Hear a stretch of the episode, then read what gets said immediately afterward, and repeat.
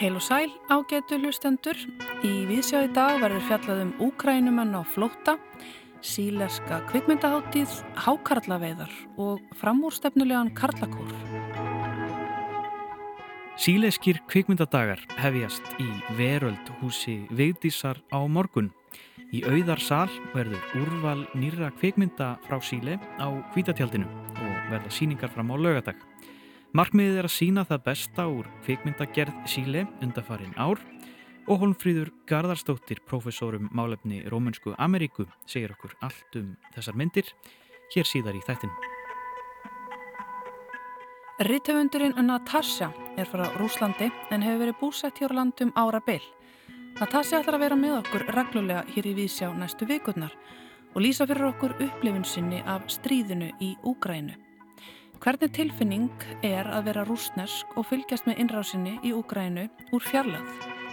Natasja mun í pislunum fjalla um það sem að hrærist innra með henni en einnig umbreytinguna á hverstarsleikanum sínum eigin og samferðarfólks.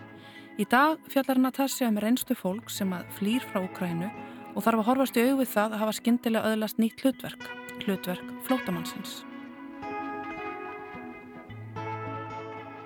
Og við höldum líka út á hákarlamið.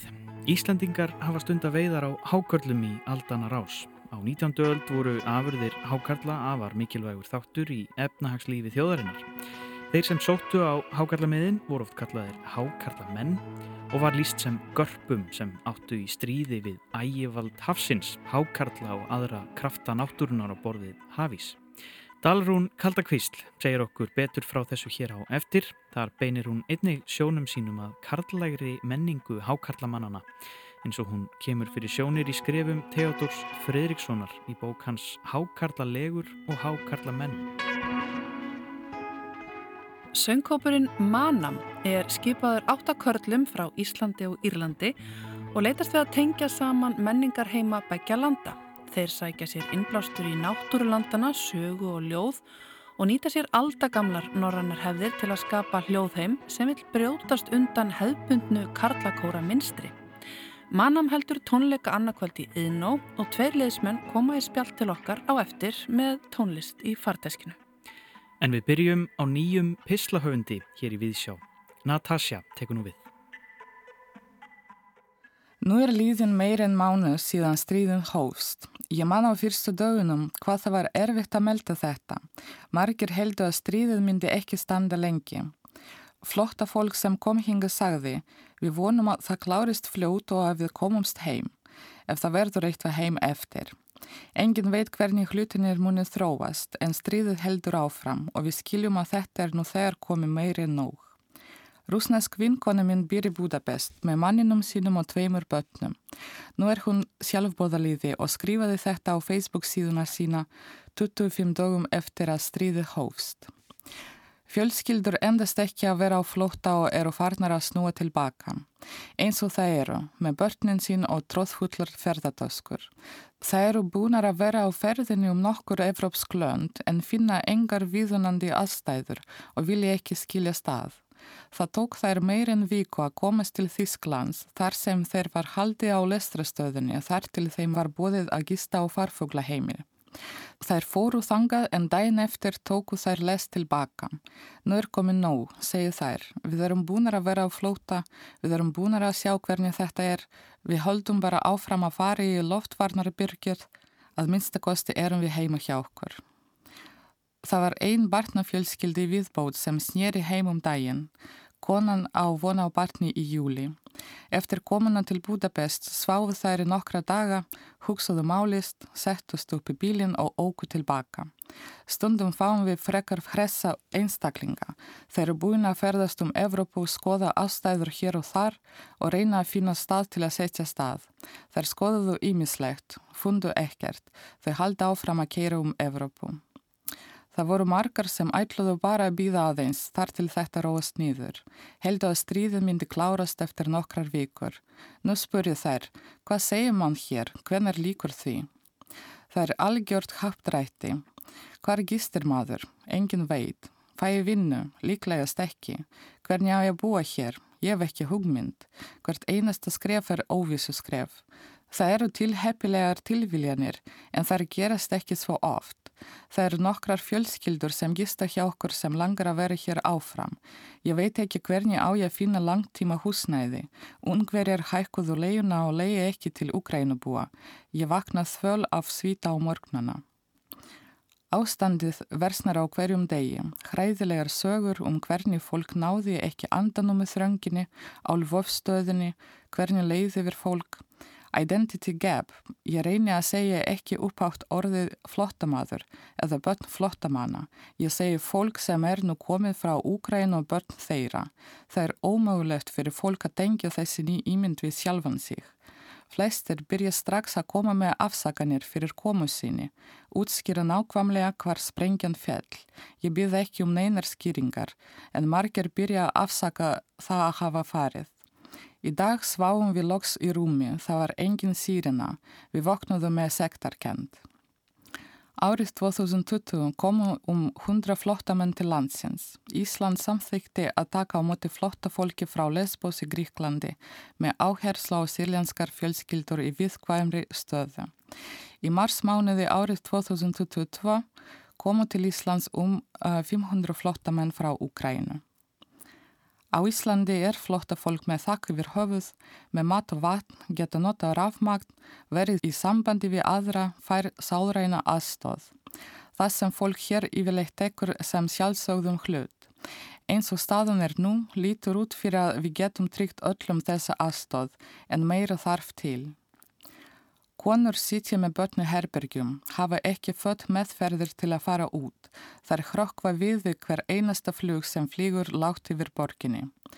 Börn veikjast, börn öskra, rifrildi byrja, tennur brotna, símar brotna, líf klárast, upplýsinga gjófrúglast, lofors efnast ekki, hattur síður, mömmur missa meðvitund, þarfir eru endalöysar. Þeir tala um lífið síkt til fortið. Ég bjó, ég vann, hann var. Kerfi getur ekki séð við öllum. Það verður alltaf blindur blettur einhver staðar. Það mun taka smá tíma að aðlagast hugarfari og menningunni samfélags. Ísland stendur sér mjög vel í mótt okkur flotta fólks þegar aðeins er líðin mánuður frá því að átók hófust í Ukrænu. Á meðan kerfið er að aðlagast nýjum aðstæðum stíga mjög margir fram til að hjálpa. Einstaklingar bjóða upp á margt. Lífja innkaup, akstur, saumanámskeið, prjónanámskeið, stuðninshópa, jógakenslu, klippingu, húsnæði, vinnáttu, bleiur, leikföng, barnvagna, född, tungumálukenslu. Listafólk legur sig af mörgum með mörguðum síningum og upplestrum. Í Facebook-hóp fyrir Ukrænumenn á Íslandi spyrja nýkomnir. Hvernig er það hér? Hvað gerir maður? Við erum rétt komnar eftir viku á flotta. Framandi fólk með útlensk nöfn býður þau hjartanlega velkomin. Allir eru með gúla og bláa fána í profilmyndinni. Þau vísa þeim á réttar upplýsingar. Fyrirtæki stýðja með húsnæði, mat, afþreyingu, hreinlætisvörum. Þið fáið eins mikið og eins lengi og þið þurfið, segja forstjórar. Sjálfbóðalíðar leysa þau mál sem komu upp hverju síni og í þetta sín sínist mér að við séum nógu dugleg. Fyrir tíu árum síðan þegar ég byrjiði í Háskóla Íslands skrifaði ég rítgerðum bókina Benjamin Duva. Það kom mér á óvart hversu utopisk og óraunverulegt mynd var dreyin upp í bókinni, að allir standi saman og hjálpi hver öðrum.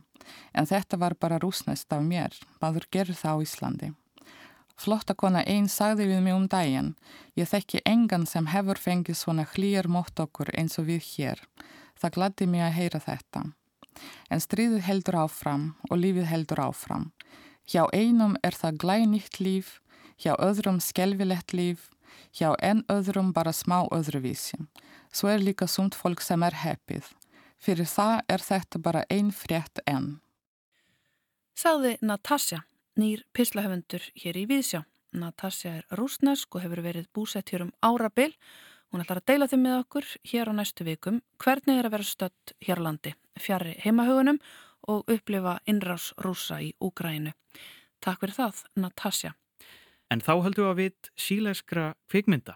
Við sláum að þráðinn til Holmfríðar Garðarstóttur, professors í málefnum Rómunsku Ameríku. Holmfríður. Sæl Holmfríður, Jóhannes hérna í Víðsjá. Halló, þetta er Jóhannes. Doña María le ruego en nombre de la fortuna Síleisk kveikmyndaháttíð, hvernig, Já, segð mér aðeins frá þessari háttíð, hvað, hvað erum að vera? Já, þannig er að við kvöldum þetta sílenska kvikmyndadaga, síklóði síni Tileno og uh, þetta er sko tilkomið af því að Ísland og Tíli eiga um þessar myndir uh, ammæli eða fagna því að hafa verið í stjórnmálasambandi löngu og farsælu með auðvitað virku og aktífu uh, til margra áratuga og uh, það var hér fulltrúi frá sílegarska sendiráðun í Oslo og heimsókn á Íslandi fyrir svona mánuði síðan og hitti meðal annars rektor Háskóla Íslands og ég var viðstödd hann fund og þar var verða að ræða hvers konar samstarf væri hægt að uh, bara auka eða með hvað hætti var hægt að auka samstarf við Ísland og þar eh, innan Háskóla Íslands og það kom upp þessi hugmynd að standa fyrir kvikmyndadögum. Og uh, af því við eigum þetta frábæra hús hérna, veröld, hús Vigdísar, þar sem er ólega fallegur salur sem að uh, við uh, sko höfum aðganga af, auðvitað, undir kjenslu, undir alls konar viðbyrð og við erum að kenna námskeið við spænsku prógramir í Háskóli Íslands og þessa myndir sem að fjallar um jaðarmenningar og fjöldarreyfingar þannig að, að sendiráði Oslo fór á stúfana og fann bíómyndir sem að eiga við það umfjöldunar efni e, beint og óbeint. Svo lesa við ætlum að sína þær núna næstu daga, byrjum fymtudag klukkan þrjú förstudag klukkan þrjú og fimm og laugadag klukkan þrjú. Og þó að þessu séu þetta beinta nefnendum okkar þá er þetta öllum opið og myndirnar eru allar nema einn með því miður þá komum til okkar beint frá framlegenda eða leikstjóra með hinnar eru með ennskum texta mm. og til þess að gera þetta aðgengilegt sem flestum en það eru þetta af spænskumælandi fólki á Íslandi sem að hefur ekkit endilega og ekki aðganga þessum myndum, þær eru allar flungu nýjar, mm. eru síðan í fyrra um, og einn reyndar frá 2019 en hún hefur ekki verið í sem við sínum á lögadaginn hefur ekki verið í almennri dreifingu. Og þessar myndir eru allar byggðar á uh, sannsögulegum atbyrðum þannig að það er spretta úr svona hverstaslífi uh, fólks í tíli um, og uh, það að þær eru alltaf svona nýjar að þá eru þær að horfa á atriði sem að eru annarkort nýliðinni eða ennþá móta tílegast samfélag í dag og uh, svo leiðis að það er fjalla um, einn fjallar um uh, unga stráka, bræður sem að uh, hafa endað í úlingafangelsi og leikstjóri þeirra myndar er velþægt kona af indjónaættum í Tíli. Það hefur vakið mikla aðtikli fyrir að varpa ljósi á, á svona, eða já, komað kvikmyndi gerð með sérstaklega sjónarhóðni. Mm og segir frá bæði lífið þeirra innanveggja og svo drauminum hvað verður þegar við losnum og hvernig þetta tvent fer saman. Önnur segir frá ljósmyndara sem að ungum manni sem er á gödum Santiago borgar og sem að í, í svona róstri stjórnmála átæka og hvernig þess hvað það er bæði spennandi og hættulegt að, að mynda og festa þann veruleika e, á filmu og e, útkoman er hræðileg. En, en þannig er það þegar að þeirra óverðir og óræða er í gangi í samfélögum og e, svona þegar ég var eitthvað að horfa á, á hana fyrirfram að þá auðvitað hugsa maður um bara hvað er að gerast í dag á öðrum slóðum. Já en þetta sagan endur tekur sér því nýður með, með hörmulegum afleðingum aftur og aftur fyrir svo marga. Þannig að, að efnið á við Já, og myndin á laugadag er svo fjallar um ungan mann frá Hæti, ef við rifjum það voru sér sæðilegu járskjaldar og náttúrulega hann farið á Hæti fyrir nokkrum árum og uh, frá eiginni auðvitað flúði fjöldi fólks og auðvitað fara þeir fyrsta sem næst er og, og dreifast víða um Rómusku Ameríku og sagan segir frá einum þessum unga manni uh, og aðstæðum hans uh, í Tíli eru ekki mikið af blökkumönnum komandi frá hæti þá er hann það og, uh, og segir bæði frá sigurum hans og ósigurum í þessum, þessum nýju veruleika.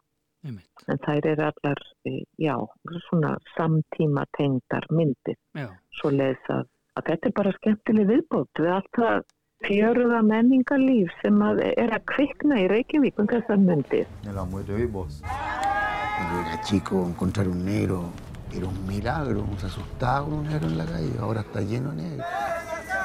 ¿Crees que esta weá es un circo? Este país está cagado, weón. Quiero olvidarme de eso. Quería olvidarte de eso. Hvað getur þú sagt mér um sko, kvikmyndagerð í, í síleg? Þetta verðist vera svona ákveðin svona raunsægis allan að þessar myndir sem eru síndar þarna eh, þessa daga. Það er svona ákveðin raunsægis stefna í, í gangi. Já, og það hefur verið ráðandi í tílegarskri kvikmyndagerð og reyndar bara um mest allar rómusku Ameríku svona upp úr 90 kannski og kannski alltaf svo sem. En já, það er ákveðin raunsæðis. Það eru bara svo margar sögur Já, sem að á eftir að segja, sem þarf að segja og uh, eru uh, sagðar með einhverju, svona frá einhverju sjónarhóttni sem að er ekki þekkt eða hefur ekki endilega verið. Auðvitað byrja ekki fram hjá því að líta að ef þú fer, ef þú ert stættur í sko, Santiago á morgun og flettir upp dagskrá kvikmyndahúsa borgarinnar þá er það alveg svo hér á Íslandi megin þorðir eru bandarískar Hollywoodmyndir en, en það sem er búið til heima fyrir er ekki endilega uh, fylgir nefni formúlu þaða. Mhm. Það, uh, kvikmyndagerð hefur elst mjög uh, um alla álfuna bara um leið og tækin urðu einfeldar í meðferðum og ekki jafn svakalega dýr. Mhm. Þannig að það hefur uh, fleirum gefist tækifæri uh, og það segi ég um sama tíma og allar þessar myndir eru uh, sko samvinnuverkefni. það kemur fjármagn einnig utan að úr evróskum kvikmyndasjóðum eða annars staða frá. mhm, Svo leiðis að alveg eins og er hér alla jafna. Þetta eru, þetta eru samvinnuverkefni margra en um leið og kvikmyndagerð heima fyrir fiskunum hrygga þá eru þetta fleira fólk sem að læri til verka og, og læti svo til sín taka. Og uh, þannig að og það er bara nýbúð að vera til dæmis í Toulouse í Fraklandi búið að vera stór söður-amerísk kvikmyndaháttíð og það er alveg ótrúlegt að sjá og fylgjast með hvað er, e, hvað er mikið um að vera e, sest, já, margar nýjar myndir og aðtilsvað sjónarhóttn og, og þetta sjónarhóttn frumbyggja sem eru núna fyrst eða bara á síðustu árum e, að segja sína eigin sög og koma þá með alveg nýja leið til að sjá um, þá menningu, það, e, þann, þá hugmyndafræði og hugarheim og heimsýn mhm. sem býr meðal þess fólks og svona, já, veitir mann einsýn í eitthvað sem að alla jafn er ekki aðgengilegt. já, og þá bæði sögu frumbyggja og stöðu þeirra í, í Já. samtímanum. Já, nákvæmlega. Já. Er þetta ungir leikstjórar? Já, Já, já, allir þessi sem að við erum að halda lofti núna eru það Mhm. og uh, bara til þess að, já, og, en þetta er allt saman myndir sem að hafa verið að fara á kvikmyndaháttíðir og eru í kynningu, uh, auðvitað hafði COVID mikil áhrif það í, í Tíli eins og allstaðar í heiminum. Já, þannig að, að ímisverkefni dróðust ögn á langin og þá að þessar myndir séu 2019-21 um, sérst framleitar og þá er það fyrst núna sem þær eru svona að fara að ferðast um heiminn. Og þannig að við erum bara á, forréttinda lista hvað það var var að, að fá að vera með svo lesa það er bara skemmtilegt og, og, og gaman að geta og líka bara nýta þetta tækifæri að þá að við séum sikkur megin á heimskringlunni að þá er, þá er alltaf samband og það er alltaf samskipti á milli þjóða og, og bara mikilvægt að rætta þau og, og sjá og skilja og fá insýn í og, og þetta og við höfum aðstæðunar hér eins og við Háskóla Íslands við kennum öll þessu elnum tungumál mm. og gerir fólk með áhuga á um heiminum það er bara, maður þarf að drepa, passa drepa hann ekki niður hættu viðfaldunum Akkurat Já. Og eins og þú segir, það eru spennandi tímar framöndan í menningarlífinu og, og ekki síst kveikmyndalífinu þessa dagina Já. og við, við hvetjum bara kveikmyndaadáðundur að kynna sér þessa, þessa sílesku kveikmyndadagskrá sem er í veröld húsi Vigdísar. Hólfríður Garðarstóttir, takk kærlega fyrir spjallið. Takk sem leiðist. Takk.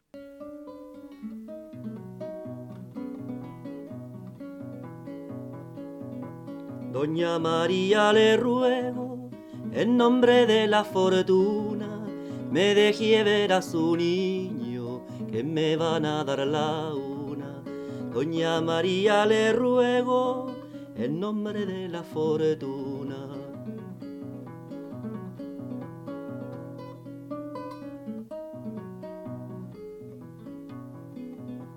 Doña María, yo vine a ver el niñito de Dios. Usted deme la licencia que me van a dar las dos. Doña María, yo vine a ver el niñito de Dios.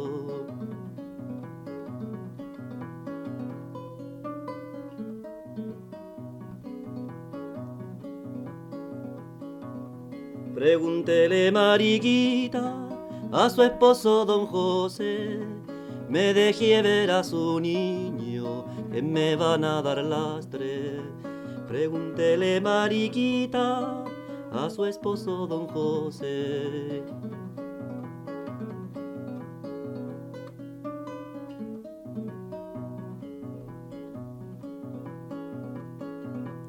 Tome en cuenta, Mariquita, casi gasté los zapatos por ver a su Manuelito me van a dar las cuatro.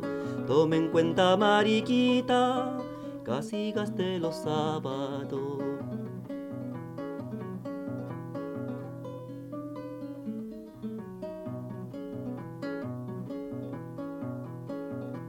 De Ñuble vine, señora, de los campos de Niblinto, por saludar a su niño, ya me van a dar las cinco de Ñuble vine señora de los campos de Niblinto.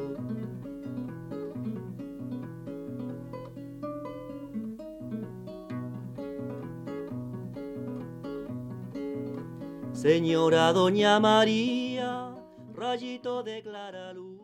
Síleski tónlistamæðurinn Rolando Alarcón syngur hér til hennar Donju Maríu. Þar áður sagði Holmfríður Garðarsdóttir, professor í málefnum Rómönsku Ameríku við Háskóla Íslands frá síleskri kvikmyndaháttíð með kvikmyndadögum sem hefjast í veröld húsi Vigdísar á morgun 5. daginn 31. mars. Já, og úr heimi kvikmynda í Suður Ameríku höldu við á aðeins kaldari og blöytari slóðir, slóðir íslenskra hákarla veiðimanna. Dalrún Kaldakvísl, sakfræðingur, hefur að skoða sögu þeirra. Sjór er gagsær, grilli ég niður, gunötra ég við að sjá. Hafskip sokkið, helgrár bríður, hákarl bleikan ná. Þannig orti Stengrimur Torstensson um helgráan hákarl í hafdjúpi er bríður bleikan ná. Útvarspistill minn þetta sinnið teku til hákarla og hákarla veiðimanna eða hákarla manna líkt og þeir kölluðust einnig á ferri tíð. Ég er nú byrjuð að rannsaka sögu hákarla og hákarlaveiða á Íslandi. Ekki síst hákarlaveiða á 20. og 21. öldinni. Í rannsókt minni mun ég taka við töl við aðela sem þekkja til hákarlsins og hákarlaveiða hér við land. Upphafskref rannsóknarinnar fólst eðlumálsinn samkvæmt í því að kynna sér í þaula efni einnar merkustu og fegurstu rýtsmíðar ísletinga, bókina Hákarla legur og hákarla menn eftir ritthufundin og hákarla mannin Theodor Fridriksson. Theodor fættist árið 1876 í Flatey á Skjálfanda. Síðar fluttist Theodor með fjölskyldu sinni á Brottur Flatey á bæ í Fjörðum sem í dag er eigðisveit millum Eyjafjörðar og Skjálfandaflóa. Þegar Theodor var á ullingsaldri böðst honum að gerast hákarlamaður á gömlum hákarladalli sem bar nafnið Látra Felix og þar með hófust ævintýri Theodors á hákarlamiðum. Bók Theodors, Hákarlalegur og Hákarlamenn hverfist um hákarlaveiðar í Eyjafyrði á 19. öld og er ótæmandi alþjóðu fróðleikur um veiðiskap og hákarla menn. Í skrifum sínum stiðst Theodor við eigin reynslu af hákarlalegum sem og frásagnir annara manna af þeim veiðiskap. Þannig nær hann að fanga mikilvægar og ítarlegar upplýsingar er varða hákarlaveiði á þeim tíma og um leið ákveði andrumsloft og viss viðhorf sem enkendu starfsvettvang hákarlamanna á þeirri tíð. Skrif Theodors varpa einstöku ljósi á sambili manna og hákarla og á þá karlægu menningu sem skapaðist á meðal hákarlamanna. Í þessum örpisli mínum beini ég sjónum að þeirri karlægu menningu hákarlamanna líkt og hún kemur fyrir sjónir í skrifum Theodors. Það ger ég með því að draga fram örf á dæmi um byrtingarmyndir karlmennskunar í röðum hákarlamanna oftar en ekki með orðum Theodors. Veiðar og verkun ísletinga á hákarli hafa verið stundar í aldana rás, líkt og fræðimaðurinn Lúði Kristjánsson fjallarum í stórvirki sínu bókunum Íslenskir sjávarhættir. Á 19. öld voru hákarlaveiðar gífurlega mikilvægur hluti af íslensku efnahagslifi vegna verðmætana sem fólkin voru í hákarla livrinni. Eins og dreyið var fram í skrifum, Jóns Þótt Þórs sakfræðings í umfjöllun hans um hákarlaveiðar eifyrðinga á síðar hluta 19. aldar. Hákarlaveiðar voru lang oftast stundadar af karlmönnum, þó vissulega væru undantekningar á því. Sagan sínir að hákarlamenn voru yðurlega taldir búa yfir meiri karlmennsku en aðrar starfstjættir karla hér á landi. Hæfilegt orð yfir sértæka karlmennsku hákarlamanna væri hákarlmennska. Landsmenn lístu hákarlamönnum all oft sem hetjum hafsins og hákarlaveiðum sem einskonar orustu manna á haflitinum. Það er kannski ekki að undra því hákarlamenn þurft að búa yfir miklu þólgeði og styrk ef þeir átt að endast í því starfi. Ástæðuna baki því var einfallega svo að hákarlalegur, eins og þær voru stundar framanaf, voru með eindæmum erfitt starf. Hákarlamenn heldu lengra til hafs en aðrir sjómenn, ekki síst eftir að hákarlarskipin urðu betur útbúin. Hákarlaveiðar fólu aukinheldur í sér að veiðarnar stóðu yfir lengi í senn og teknar voru svo kallar stjóralegur þar sem hákarlamenn lágu við fast marga dagir senn, jafnvel í tvær vikur. Menn þurftu ofta þóla mikinn kulda og vósbúð í hákarlalegum, svo ég vittni nú beint í skrif Theodors Fridrikssonar. Ónatalegt þótti mörgum að þurfa að rýfa sig upp um vökurskiptin um miðjanótt, láta upp á sig hálf fræðina vaðarvellinga og setjast undir vað þegar illt var í sjóin. Enda var það líka sannlega köld aðkoma á stundum og ekki hygglum hend. Þarna fór öll vinna fram í þreyfandi myrkri að vetralægi nema svo bæri undir að það væri tungsljós. Og dugði þá ekkert að vera fárast um það að maður væri lasinn eða sjóveikur. Þó voru menn misjaflega harðir eins og gengur og áttu þeir sannlega ekki sjödagana sæla sem mikið kvenkuður sér. Í skrifum Theodors og fleiri höfunda er hákarlamönnum líst sem görpum sem átt í stríði við ægivald hafsins, hákarla og aðra kraftanátturunar á borðið hafísinn. Menn, ekki síst ungir menn, sáu hákarla veiðar sem vettvang þar sem þeir gætu reynd á karlmennsku sína. Svo ég vitna aftur í skrif Theodors sem skrifaði.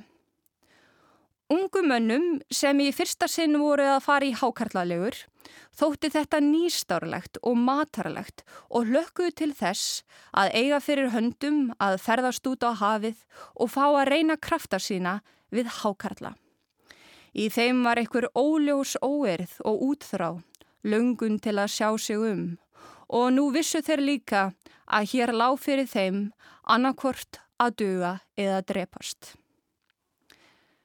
Hákarlamenn öttu gerðnan kappi hverfið annan, bæði veiðum og líkamlegum aflurunum, líkt og sagnir af kappráðurum, áti, drikju, glímum og slagsmálum hákarlamanna vitna um. Til eru margar reistisögur sem hákarlamenn sögð af sér og öðrum, sem verður að teljast fróðleg sagnarhefð. Ein mælistikan á karlmennsku hákarlamanna var hver vel þeir endust í abla hrótum. Það er að segja hver vel þeir dugðu til veiðana þegar saman fór gífurlegt vinnuálag og lítill svepp langtímum saman. Theodor skrifaði Eins og nærrim á geta voru þessar hákarlaveiðar afskaplega spennandi og æsandi þegar mikill var hákarl. Allar taugar manna komust í ítrasta spenning, viljin og kappið var svo mikið að það var eins og menn fyndi ekki til lúans og þreytunar meðan á harðasta slagnum stóð. En samkað það komið fyrir lingerða menn að þeir eins og nýgu niður á þilfarið. En ekki var þá við mikilli viðkvæmni eða meðengun að búast.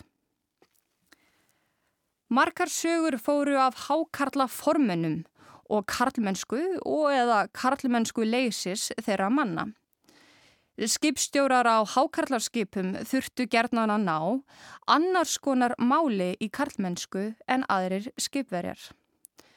Þá var oft talað um hvort hinn eða þessi formaðurinn væri fiskisæl.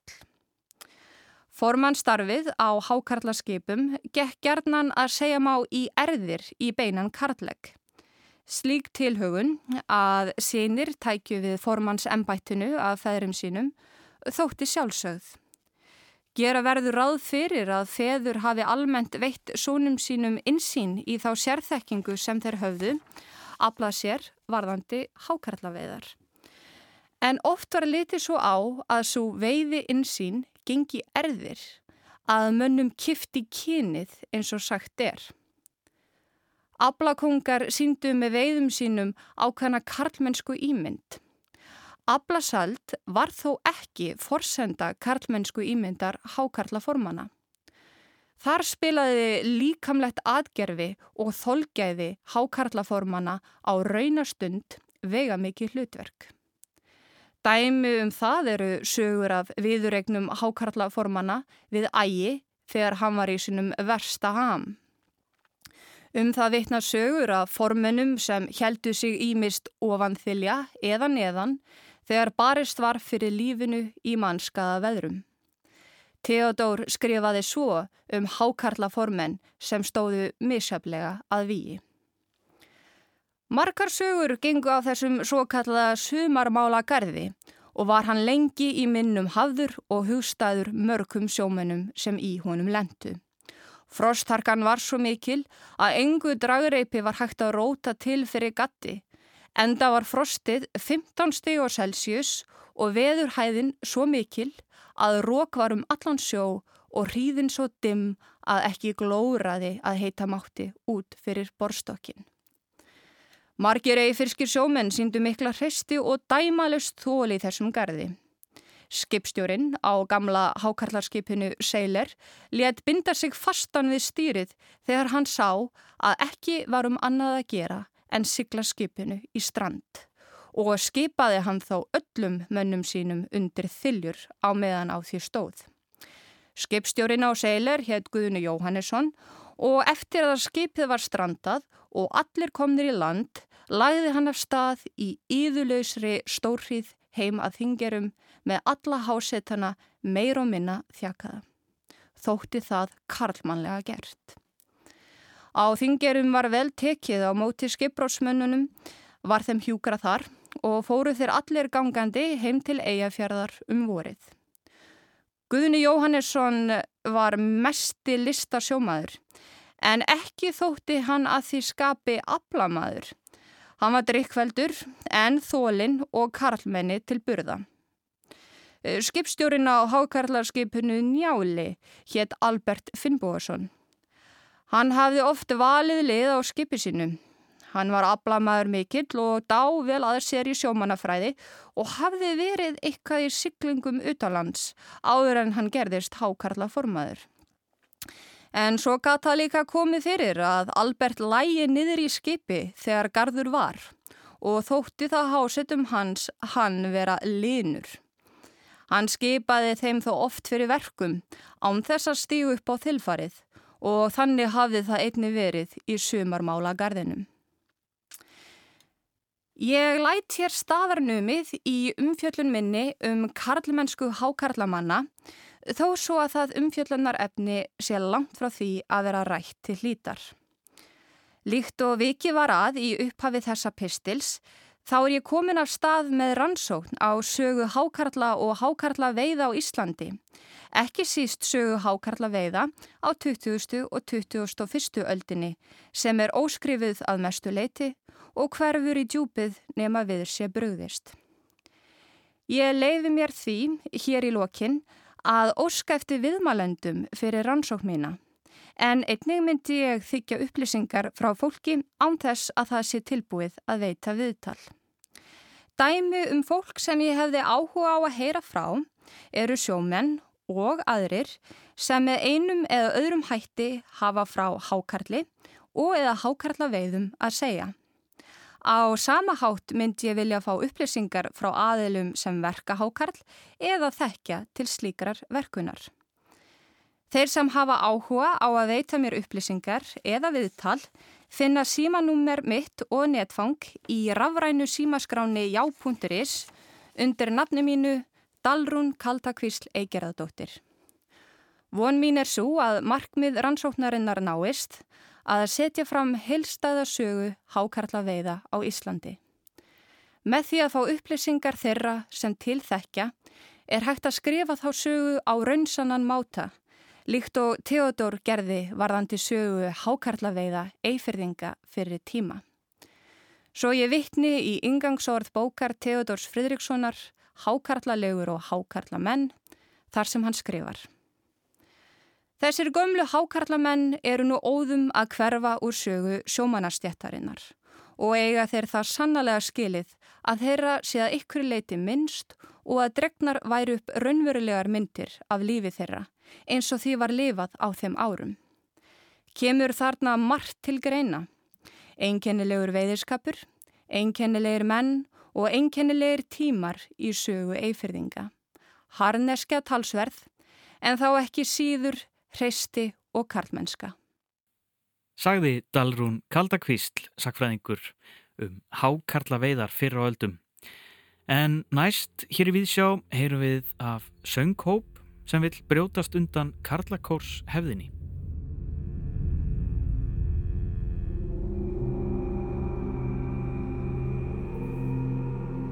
Yes, ach,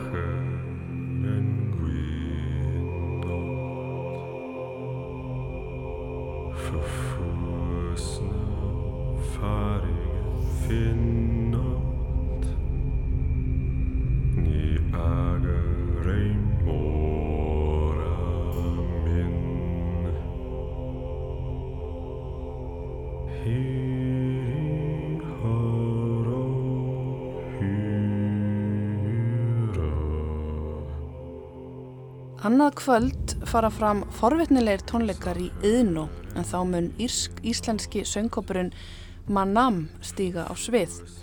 Söngkópurinn sækir innblástur sinn í náttúru Íslands og Írlands og leitast við að tengja saman menningarheima begja landa. Tónlistin er nýstárleg en sækir efni við sinn í gamlar sögur frá báðum löndum. Hópin skipa áttamenn frá Íslandi og frá Írlandi og hingaðar mættir tveir þeirra Pétur Ottbergur Heimisson og Þórhallur Auður Helgason verið velkomnir. Takk fyrir það. Takk. Þeir eru eiginlega bara nýkomnir að pöpparöldi, þið voru að kynna tónleikana. Já, við fórum í gær og, og sungum á, á Kalda og Drunk Rabbits. Já, var, var það ekki gaman? Jú, það var mjög gaman. Það var æðislegt. Dreifðum svona flægirum. Já, sungum svo fyrir, fyrir en daginn í Hallgrímskirkju og uh, það var aldrei gaman að syngja fyrir fólk því að ekki einu svona ég, ég er nýjasti meðlumir þessa bands og ég get ekki skilgænt hvers konar tónlist þetta er svona heilt yfir Nei. og fólk ekki heldur Þið voru allavega í gær bæði að syngja í Hallgrímskirkju og á pöpparöldi Já. og það virkaði í báðum tilfellum. Já, og svo þá veljum við náttúrulega bara lög í samræmi við aðstæður. Þannig að þegar við erum í Helginskirkju þá erum við með eitthvað sem hendar þar og svo förum við á, á, á barinn og syngjum þá eitthvað svona sem er pínu rest og, og Mhm. skemmtilegt. Einmitt. Segja mig frá þessari söngsveit og, hvernig þið rötuð inn í hana. Hvað er Manam? Um, þetta er þess að hópur sem Michael McGlynn stopnaði á 2018 og hann stopnaði uh, kórin Anúna fyrir mörgum árum síðan og hann uh, vildi þess að stopna karlahóp og tók þá nokkra úr Anúna og svo hitt hann okkur í Olgu úti í Hollandi þegar við stýri í söngum sem heitir Olga Vocal Ensemble og hann hitti okkur þar og svona við bara kynntumst ágætlega og, og heldum sambandi og, og svo erum búin að bjóða mér, Filip og, og Bjarnar Mhm. að koma inn í sagt, manum og svo kom Þóraldur inn í, í hérna, byrjun Mm. árs Og er þetta, þetta er ekki neitt venjulegur kallakór? Upp úr hverju sprettur þetta? um, best að útskýra að núna Nei, ég meina að núna hefur gert ro- rosalega mikið af dóti, þetta er gamall hópur Mhm. og þau hafa sungið í Broadway uppfærslum og hafa farið mjög víða þannig að þetta er svona ef að ég skil hann Michael rétt þá er hann svona hálf ó, svona ósamála mörgum svona kreddum og því hvernig margir kórar festast í einhverjum kassa. Og ég held að það sé svona hálfgjört markmið hans að reyna að storka viðteknum hugmyndum um svona hópa. Enda, þú veist, tónlistin sem að við syngjum í manam er bara úr öllum hornum. Og sérstaklega náttúrulega eftir hann kynntist, uh, ég meina hann og Bjarni bonduður svona saman yfir uh, Gunnarshólma ljóðinu og hérna Bjarni sjálfur hann er svona frá hellu við það, það er um Já. kring og var að lýsa fyrir Michael svona að þetta væri hans umhverfi sko það sem að hann hefði alist upp við og þetta væri verið að lýsa landunum sem hann þekkti svo vel og Michael bara fjall í stafi yfir þessum lýsingum. Og síðan þá þá hefur hann verið að færa sig sífilt meira og meira út í það að semja bara á íslensku upp úr háamálum eða einhverjum gömlum íslenskum kvæðum. Mhm. og segir sjálfur að hann sé að reyna að, eh, að semja tónlist sem að, sko, sem að hjálpar okkur að sjá Ísland eins og útlendingar sjá Ísland. Skein yfir landi sól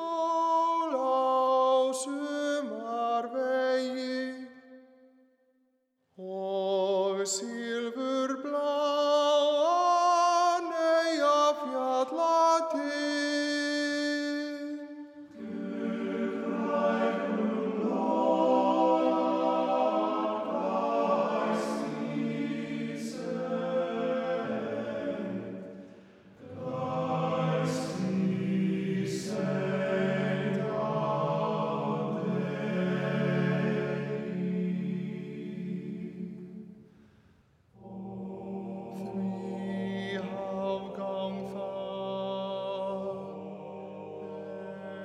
Pétur, hvernig myndur þau lýsa þessari tónlist? Mjög góð spurning. Þetta er, sko, við skilgjum okkur kannski bara sem hljónsveit sem syngur a cappella líka. Því við erum, við, við leikum á írskliófæri, við leikum, við erum núna að, kynna til leiks langspil í fyrst skipti sem hann Filip eh, er búin að vera núna að læra að spila á síðustu vikur og þannig að við erum við erum í rauninu bara já, ég myndi segja við sjöum hljónsveit en, en svo erum við að syngja rosa mikið a cappella Mhm. mm -hmm. Þið sæki í þennan forna arf þessara begja landa en reynið að gera það samt á eitthvað nýjan hátt, er það ekki? Akkurat, algjörlega og Michael McGlynn hann útsetur eða semur allt fyrir hópin þannig að ef við erum með eitthvað þjólag þá, þá útsetur hann það eða og svo er hann bara tekur hann texta og, og, og semur lög mm -hmm. við textana mm. -hmm. mjög skemmtilegt að vinna svona Já. Þetta er uh, að já, líkur arfur sem við eigum er það ekki, þessar tvær þjóðir. Þið hafi nú verið að kafa ofan í þetta. Hvað eigum við, hvað eigum við sameigilegt með Írum? heldur betur mikið uh, sko, ég fór í fyrsta sinn til Írlands bara fyrr á árinu til þess að hitta hinn helming mannam og sko þetta er svona, þetta er svona jákvæð hlið á fordómum ég hafði alltaf svona fundið fyrir einhverju voðalegri tengingu við Írland á þess að hafa nokkuð fyrir mér í því. Um, en svo kemur maður þarna og veist, að sjálfsögðu eigum við svona sagan okkar er að einhverju leiti svipuð til dæmis að vera með okkar einn goða trú og síðan finna fyrir því hvernig svona kristinn trú er halv gert svona neitt, neitt upp á okkur. Og svo að lifa undir orki stórþjóðar nágrana í þeirra tilfelli Breitland, okkar tilfelli Danir. Og síðan er eitthvað annað sem að ég vinn alltaf stálum fullt af genum og menningu þaðan en það er líka bara þegar maður kemur þangað þá er einhvern veginn svona um, þjóðarsálin eitthvað sem maður tengir strax við hvort sem er húmórin eða þú veist að þetta hugarfar þetta rettast það er líka svolítið stutt í það. Mjög stutt í það. Þannig að þetta var svolítið bara eins og að hitta einhverja frændir okkar. Og svo náttúrulega erum við rosalega mikið að, syngja upp úr uh, svona þessum heimi í kringum vikinga og svona sögur. Mörg lögin byggja á því að, að hérna, eins og Bitter Wind sem að hérna, er lag sem við syngjum það er sér á írsku eða skottskeil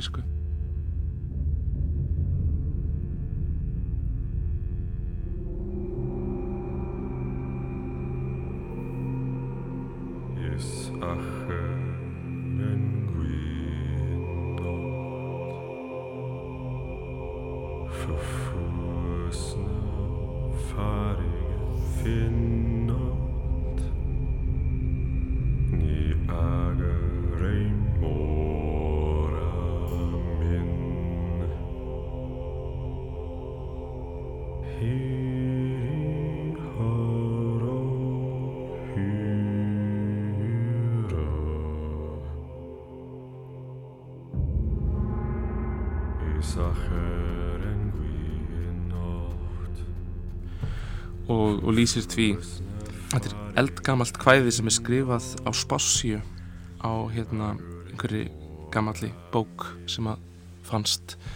Og það er talað um það sko að um, í dag sé sko vindurinn sterkur og hérna veðráttan erfið og hörð. Og það sé blessun því að það sé ólíklegt að vikingar leggji í það að sigla á svona dögum þannig að eh, við ættum að vera örug í dag. En veðrættana helst ekki eins þannig að einhver tíman mun hún því miður skána. Og það getur verið að það sé vona á einhverjum vikingum sem komi hingað og, og ræni og lochlen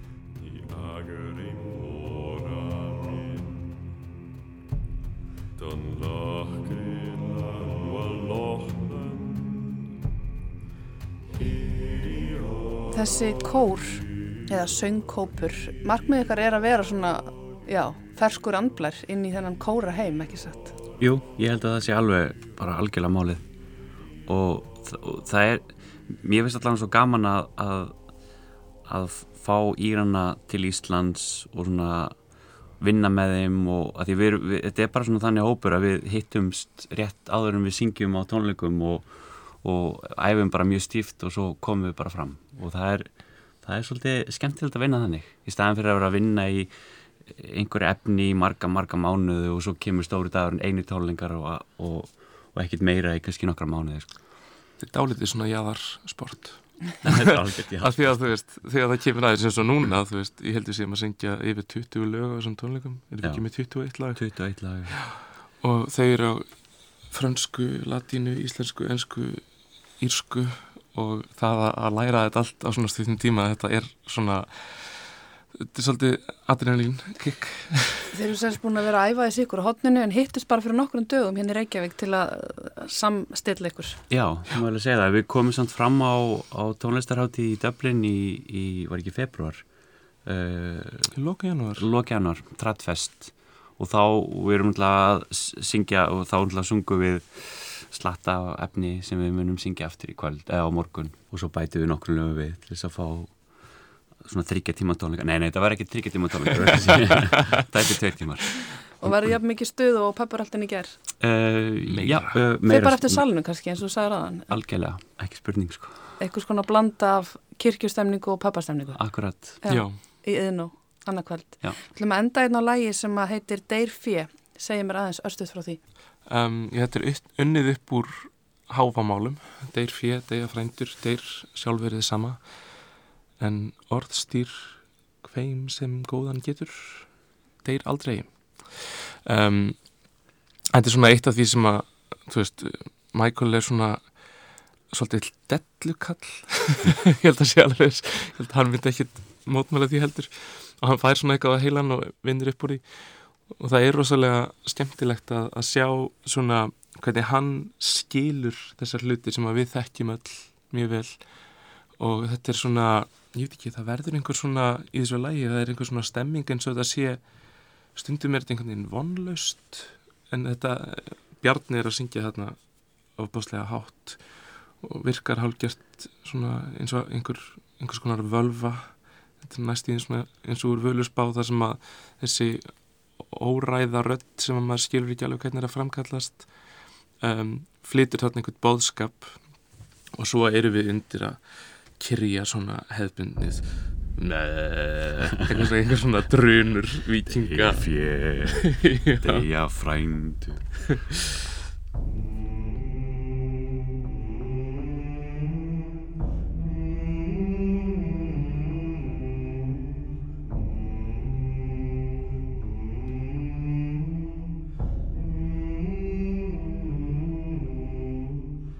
Og hér á þessu spjalli við þá Þórhall Auð Helgason og Pétur Oddberg Heimisson endur við þáttinn í dag, minnum á þeir eru með tónleika annarkvöld í yðná, söngkópurinn Manam. Takk fyrir samfélgina og veriði sæl.